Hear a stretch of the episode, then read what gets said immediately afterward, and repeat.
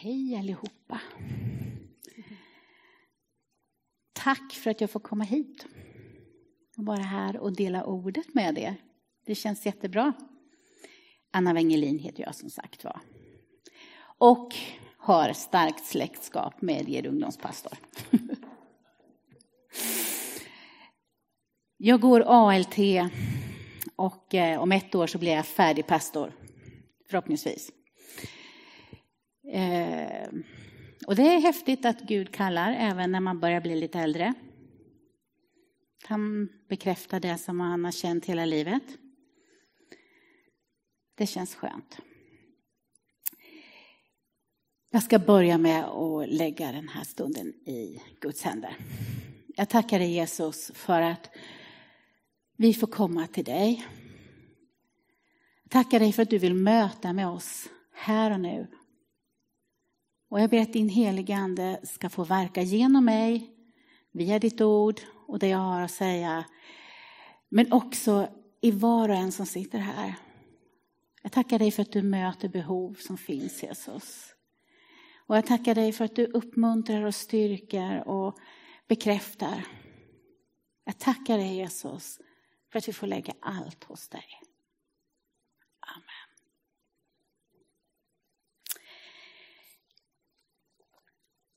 Det finns en risk att det blir lite långt, men jag ska försöka hålla mig kortfattad. Det är så här när man ska predika så tänker man sig, och det är inte alltid så lätt när man kommer till församling som man inte känner helt och fullt, att veta behov kanske och tendenser som sker i församlingen och sådär. Det är lättare när man är på hemmaplan eller så. Men det finns, det finns ett ord som har poppat upp hos mig och när jag har letat i bibelord så är det det ordet som kommer. Så att jag får böja mig och lyda. Eh, det finns ett bibelord som är, kanske speglar det övergripande jag ska tala om, som jag tycker är lite roligt. Men en tallrik grönsak med kärlek är bättre än en fin oxstek med hat. Och du kan byta ut hat mot förtvivlan, ångest eller oro, vad du vill. Men eh, det speglar lite av det jag ska prata om idag. Och som jag har sagt, det här ordet som har poppat upp, det har jag gått med väldigt många år faktiskt. Och, och kämpat lite med för att få eh, hum om vad det egentligen innebär. Och det började väl framför allt under en svår period som vi hade i familjen som sträckte sig väldigt långt och inte helt över än, men klart mycket bättre. Men som tvingade mig att... Alltså det, det här ordet hoppade upp framför mig. Du vet, det finns saker så som blir starkt för en, som man känner liksom, vad är det här för någonting? Och det ordet har förföljt mig. Och det är också ett ord som man ibland använder på ett felaktigt sätt. Eh, och det handlar om ordet förnöjsamhet. Det är ett gammalt ord, det är inte så mycket som man, man använder det idag. Men kortfattat så skulle man kunna beskriva det som att det är en inställning som man har till livet. Där jag som person inte hela tiden vill ha mer. Men det är inte bara det, det är så mycket mer i det ordet. Ordboken förklarar det här ordet med anspråkslös, nöjd med lite, förnöjd och glad. Och motsatsorden är då missnöjd och anspråksfull. Och mina funderingar då kring det här ordet har ju varit hur det används i Bibeln. Och hur jag ska förhålla mig till det här som kristen. Eh, och det har varit svårt flera gånger för mig att verkligen på djupet beskriva det här.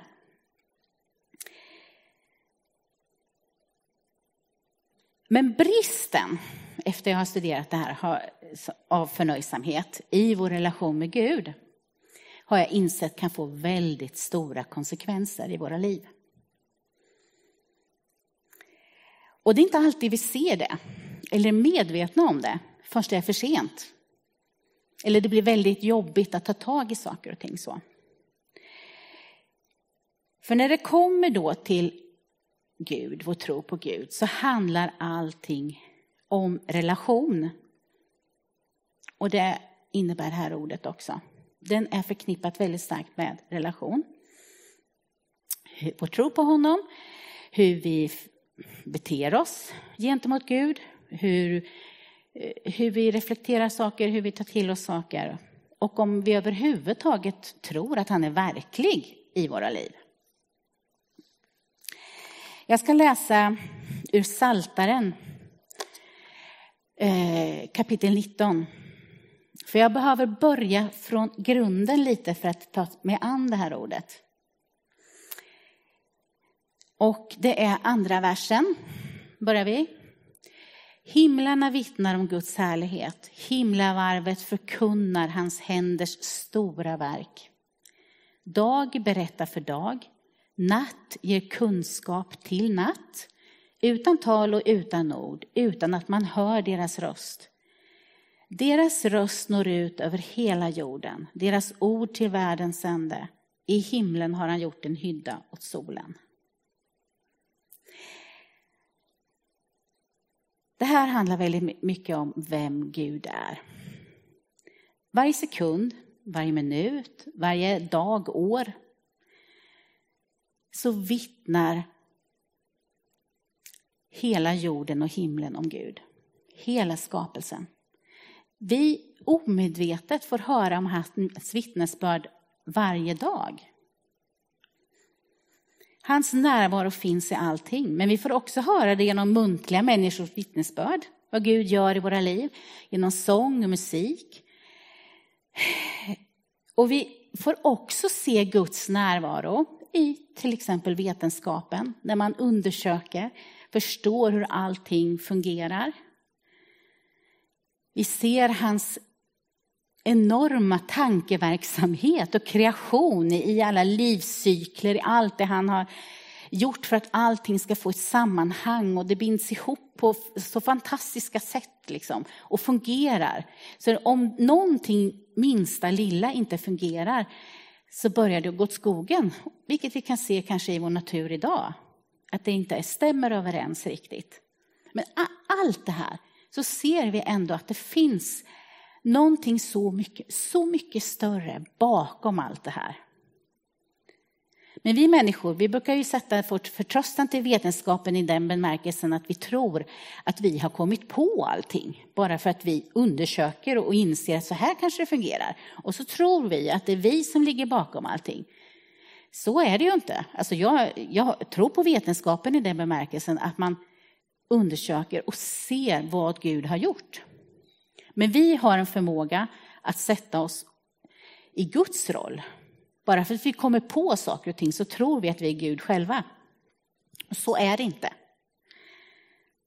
Men människor kan alltså i det här sammanhanget medvetet eller omedvetet välja att tro på om Gud finns eller inte finns. Man kan övertyga sig om att han absolut inte existerar. In till dårskap. Jag kan inte det. Det är därför jag står här i och för sig, så att, ganska naturligt. Men vi är en del av hans skapelse. Och han skapade oss, inte bara för att han hade lust, utan faktiskt för att han ville ha en relation med oss. Han ville leva livet tillsammans med oss. Han är intresserad av dig och mig, av allt som sker i våra liv, vad som händer. Han har gjort oss unika, ingen av oss är den andra lik. Bara där ser vi att det faktiskt finns ett stort intresse. Han kunde ha gjort oss på löpande band, alla likadana liksom. Men nej, vi är unika varelser. Och hans längtan är att vi ska söka hans närvaro. För han vet vårt inre, han känner vår själ utan och innan. Och vi kan aldrig bli nöjda i vår ande och själ om vi inte lever i gemenskap med Gud. Och det är ju inte för inte som vi är skapade till hans avbild. Och det står ju i första Moseboken 2.7 också så här att Herren formade människan av jord från marken och blåste in livsande i hennes näsa. Och så blev människan en levande varelse. Vi, Guds ande lever i oss.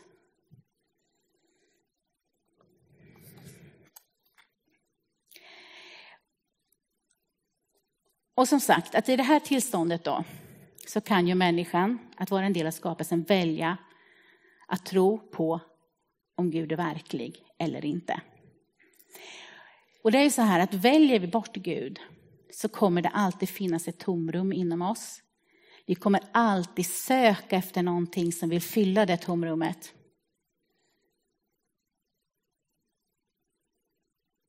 Så får inte han en plats i våra liv så är det det vi gör.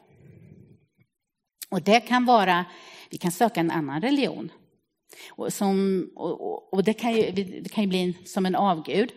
Men vi kan också se vår tids avgudar är någon, kanske inte alltid en annan religion, utan det är så mycket annat. Vi kan ha oss själva som avgudar.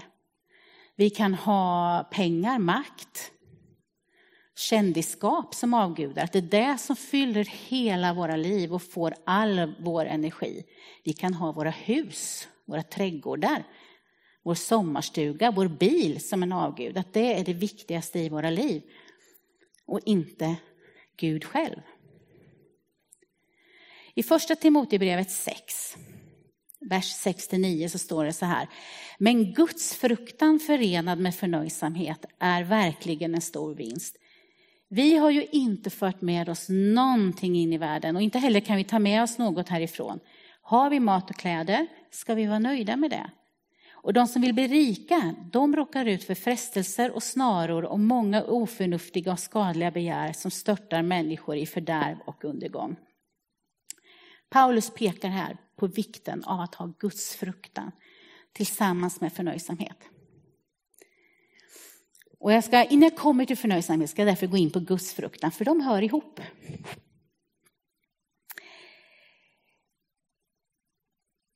Gudsfruktan handlar, alltså vi har en tendens att översätta det som att vi skulle vara rädda för Gud. Men så är det inte.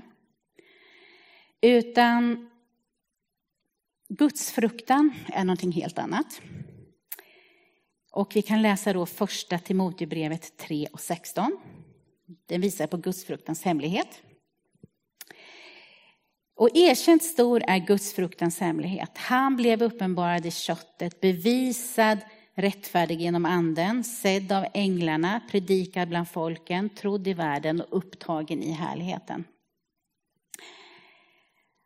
Här visar Gud sin storhet, sin allsmäktighet. Han kommer ner till jorden genom sin son Jesus Kristus. Jesus Kristus tar på oss våra skulder, vår synd. Han är syndfri, men han tar på oss sin skuld. Han dör på korset, han uppstår från döden.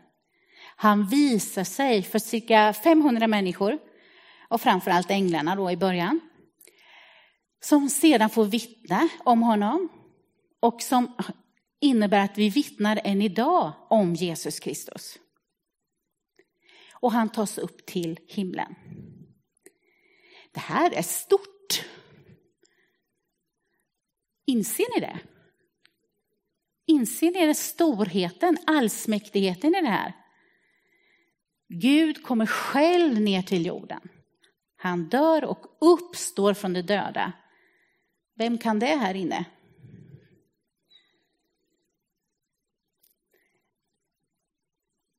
Och att förstå det här, att greppa det här till fullo, det gör man inte alltid faktiskt. Eller man gör det nästan sällan i sin stora fullhet, så skulle jag vilja se.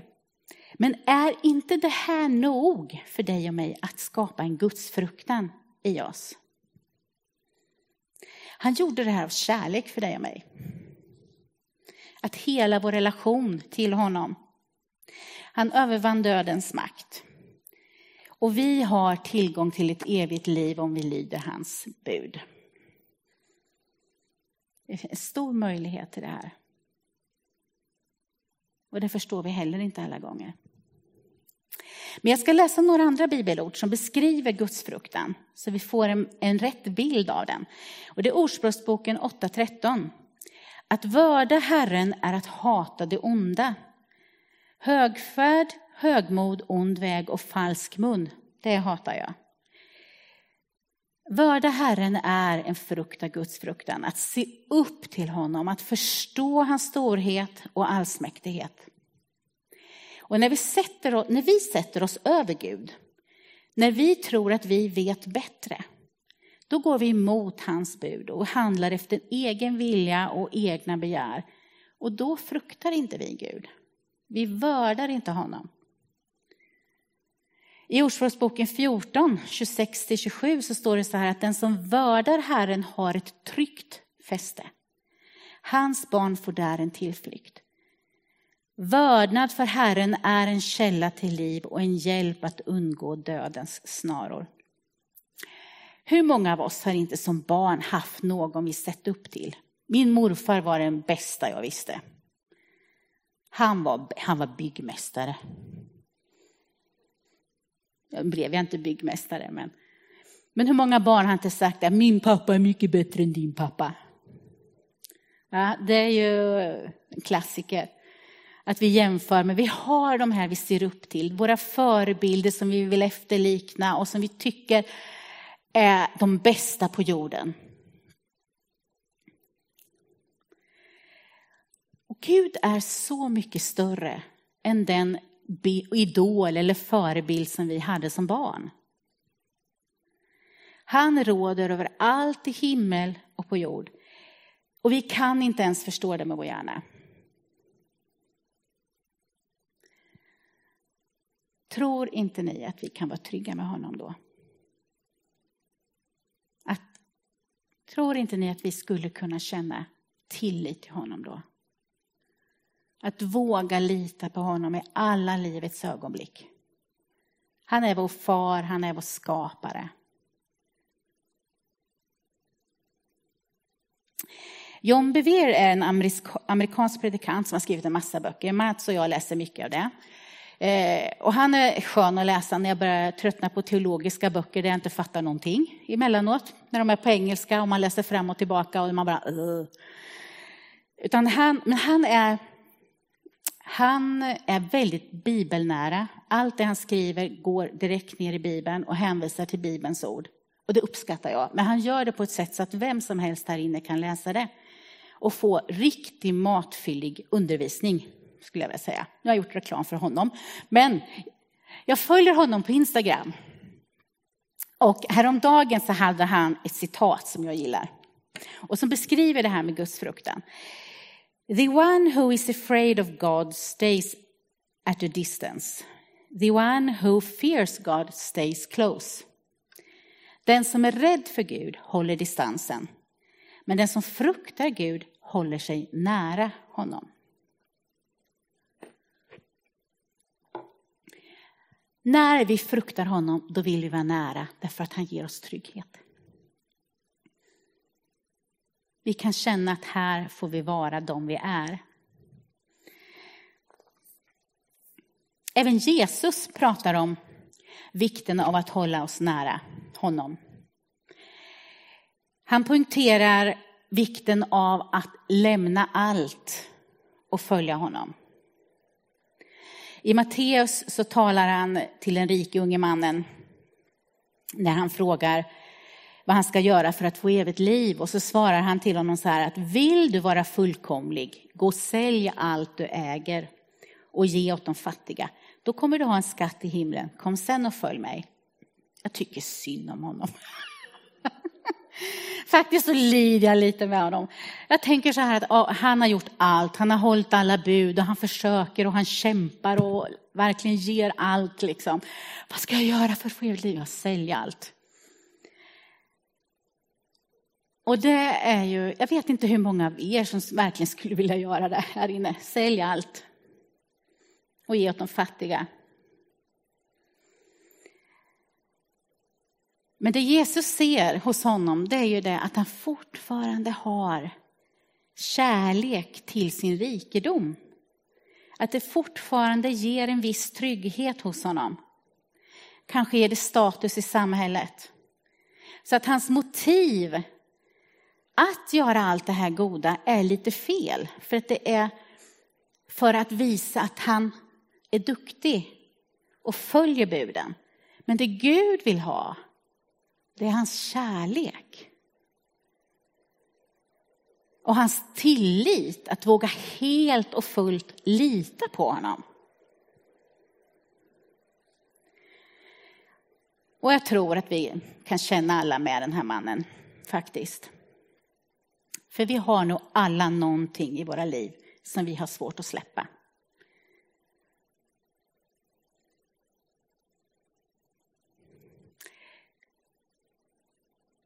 Men hur, hur, hur ska vi klara det här? Hur ska vi klara det här att känna Guds fruktan och ur Guds fruktan få den här förnöjsamheten som är så viktig för oss i vår relation med Gud? Det kommer bli standardsvar som jag säger här nu, för vi vet de här svaren. Det handlar om att leva nära Gud. Och hur kan vi göra det då? Hur kan vi söka hans närvaro? Ja, men det är ju naturligtvis att läsa hans ord. Att dagligen ge tid för honom. Att räkna med honom i allt i din vardag. Inte bara på söndagen klockan 11, utan i din vardag. Att han får vara med dig. Att du ber för de människor du möter. Att du ber Gud, visa mig om jag kan vara till hjälp för någon idag. När man söker honom på det sättet så möter han med oss. Och det står i Jakob 4.8. Närma er Gud och han ska närma sig er. Gör era händer rena ni syndare och rena era hjärtan ni tvehågsna. Vi måste välja att vilja närma oss honom. Gud finns här närvarande hela tiden, men vi måste välja att ta det steget. Han tvingar sig inte på någon. Han har gett oss vår fria vilja. Han vill inte tvinga fram någonting, för det blir ingen ren hängiven kärlek ur det.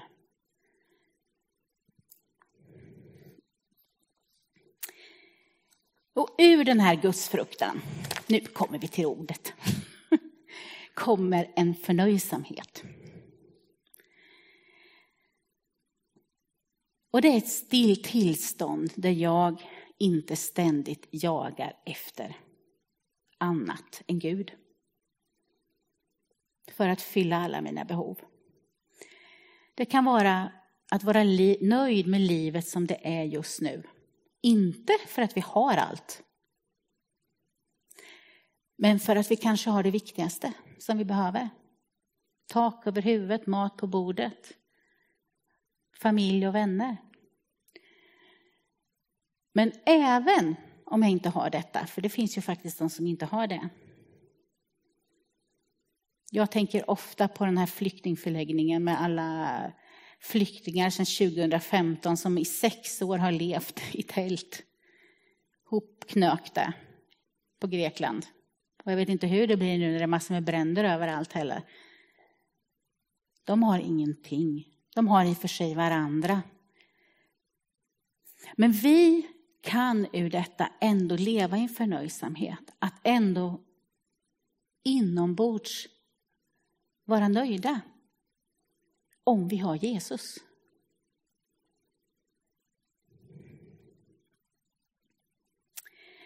Förnöjsamhet är en gåva från Gud som han ger till dem som lever efter hans vilja.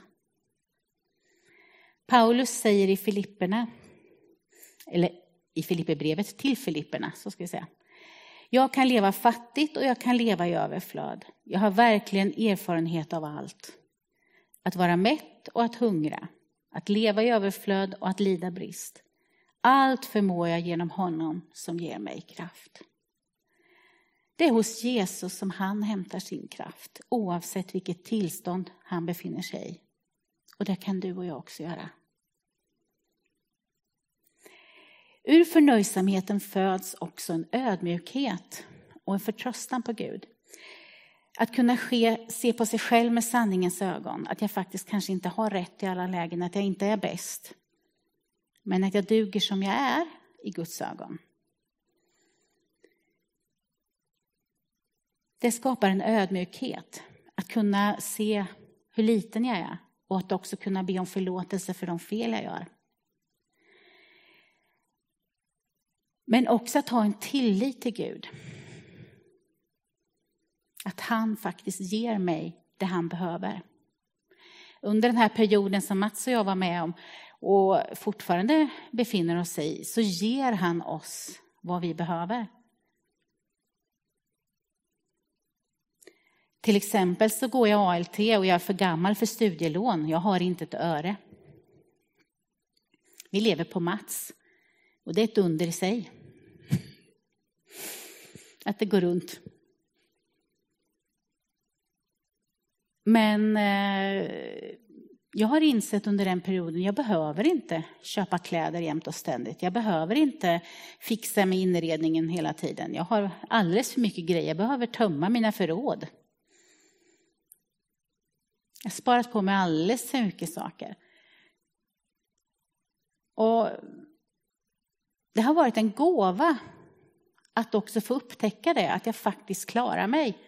Det är ju bra om man kan köpa studieböckerna, så är det ju, men, men ändå det här att det faktiskt går att leva på nästan ingenting.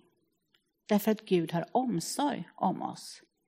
Och på något sätt så har det alltid fixat sig. Eller vad säger du?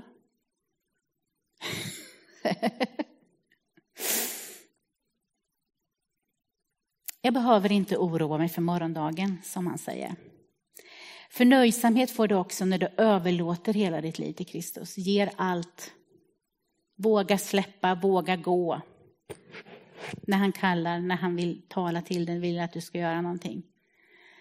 I Matteus 6 och 24 så kan vi läsa om det här att ingen kan tjäna två herrar. Antingen kommer han att hata den ene och älska den andra och hålla fast vid den ene och inte bry sig om den andra. Ni kan inte tjäna både Gud och mammon. Vi måste välja vår Herre. Vilken Herre som är viktig i vårt liv. Vem ska få vår plats i vårt hjärta? Och varför är förnöjsamhet så viktigt? Därför att det är ett tillstånd som kan hjälpa dig att stå emot alla begär. Att stå emot de frestelser som kommer i din väg. Som gör att du inte förslavas under beroenden, under materialism eller saker och ting eller berömmelse. Det står i Andra Mosebok 2017 så här att du ska inte ha begär till din nästas hus, du ska inte begära till din nästas hustru eller tjänare eller hans tjänarinna, hans oxe och hans åsna eller något annat som tillhör din nästa.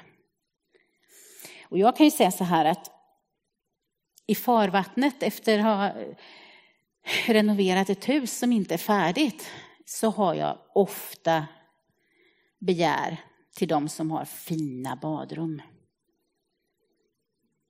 För våra är halvfärdiga. Vi duschar i källaren och vi gör allt i källaren och tvättar i källaren och allting. Jag skulle älska att våra andra tre badrum var färdiga. Men där är de inte. Och jag tror att vi alla har begär efter någonting någon gång som någon annan har. Och så kan skapa då en avundsjuka eller missnöje över det. För vi ser bara det som vi inte har. Vi ser inte det vi har. Och det är en gåva att förstå att man kan vara välsignad ändå.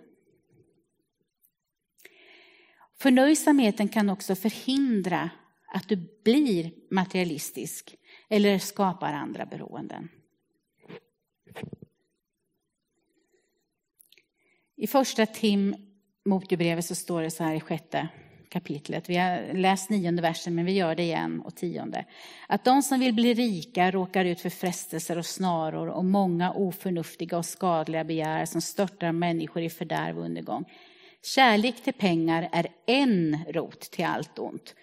I sitt begär efter pengar har vissa kommit bort från tron och vållat sig själv mycket lidande. Pengar är en rot, men det finns andra rötter som också kan förleda oss.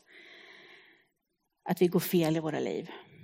Men att le leva nära Gud och sätta sin tillit till honom gör att vi får en förnöjsamhet och kan vila i hans trygga händer. Och vi slipper jaga efter allt annat. Jesus vill att du ska vara fri. Fri att leva det liv som han har tänkt för dig. Det som du skapar till. Att ha gemenskap med den Gud som skapade dig till sin avbild. Han vill bli en del av ditt liv, göra dig fri från allt som binder dig och som faktiskt hindrar dig att blomma ut till den person som han har tänkt att du ska vara. Han vill ge dig frid i ditt hjärta. Du ska slippa stress och oro. Han vill ge dig av sin kärlek. Och förstå att du duger som du är. Att ingenting av det som jagar kan tömma, fylla det hål som är bristen på Guds närvaro i ditt liv. Eller att du inte sätter honom först. Han vet vad du behöver. Och det är bara Jesus som kan hjälpa dig där. Han tog på sig dina synder. Och allt det här som skiljer dig från Gud tog han på sig. Och det du behöver göra är att låta honom få bli Herre i ditt liv. I Johannes evangeliet, det sista bibelordet, du kan börja så står det så här i åttonde kapitlet, 34 och 36 versen. Att var och en som ägnar sig åt synd är syndens slav. Om nu sonen gör er fria, blir ni verkligen fria.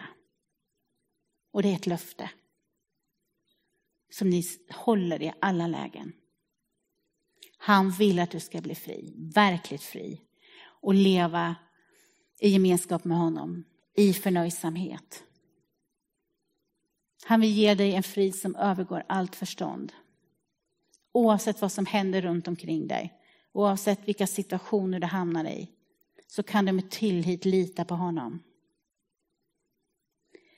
Och det här gäller för dig som aldrig satt sin fot i kyrkan och aldrig lärt känna Jesus. Det gäller för dig som kanske har gått vilse, inte känner Jesus längre som du gjorde en gång i tiden. Men det gäller också för dig som lever med Jesus varje dag. Du kanske känner att du har områden som du inte kan släppa och som skapar oro i ditt liv. Och som du har bekymmer över. Och som gör att Jesus hamnar längre ner på prioritetslistan i ditt liv. Jesus är där för dig också. Och han närmar sig dig om du närmar dig honom. Han tar alltid emot ett sökande hjärta. Så sök upp honom idag. Och be honom bli herre över ditt liv. Och du kommer få börja leva ett liv i förnöjsamhet. Det är en process. Det är ingenting som alltid sker över en dag. Men det sker sakta men säkert. Och till slut så är Gud här över ditt liv och du ska se att den välsignelse som han ger och den frid som han ger övergår allt förstånd. Den går på djupet, långt ner. Och där kan du och jag vila. Jesus, jag tackar dig jag tackar dig för att du har skapat oss till din avbild. Jag tackar dig för att du är så stor och så allsmäktig och så fantastisk. Dina tankar för oss, Herre, vi kan inte förstå dem fullt ut, men din kärlek är så enorm för oss och du vill ingenting hellre än att bli den första i våra liv. För du har så stora tankar för oss tillsammans med dig. Och i din närvaro så får vi vila, så får vi känna trygghet och frid. Och du ger oss fokus på vad som är viktigt i våra liv.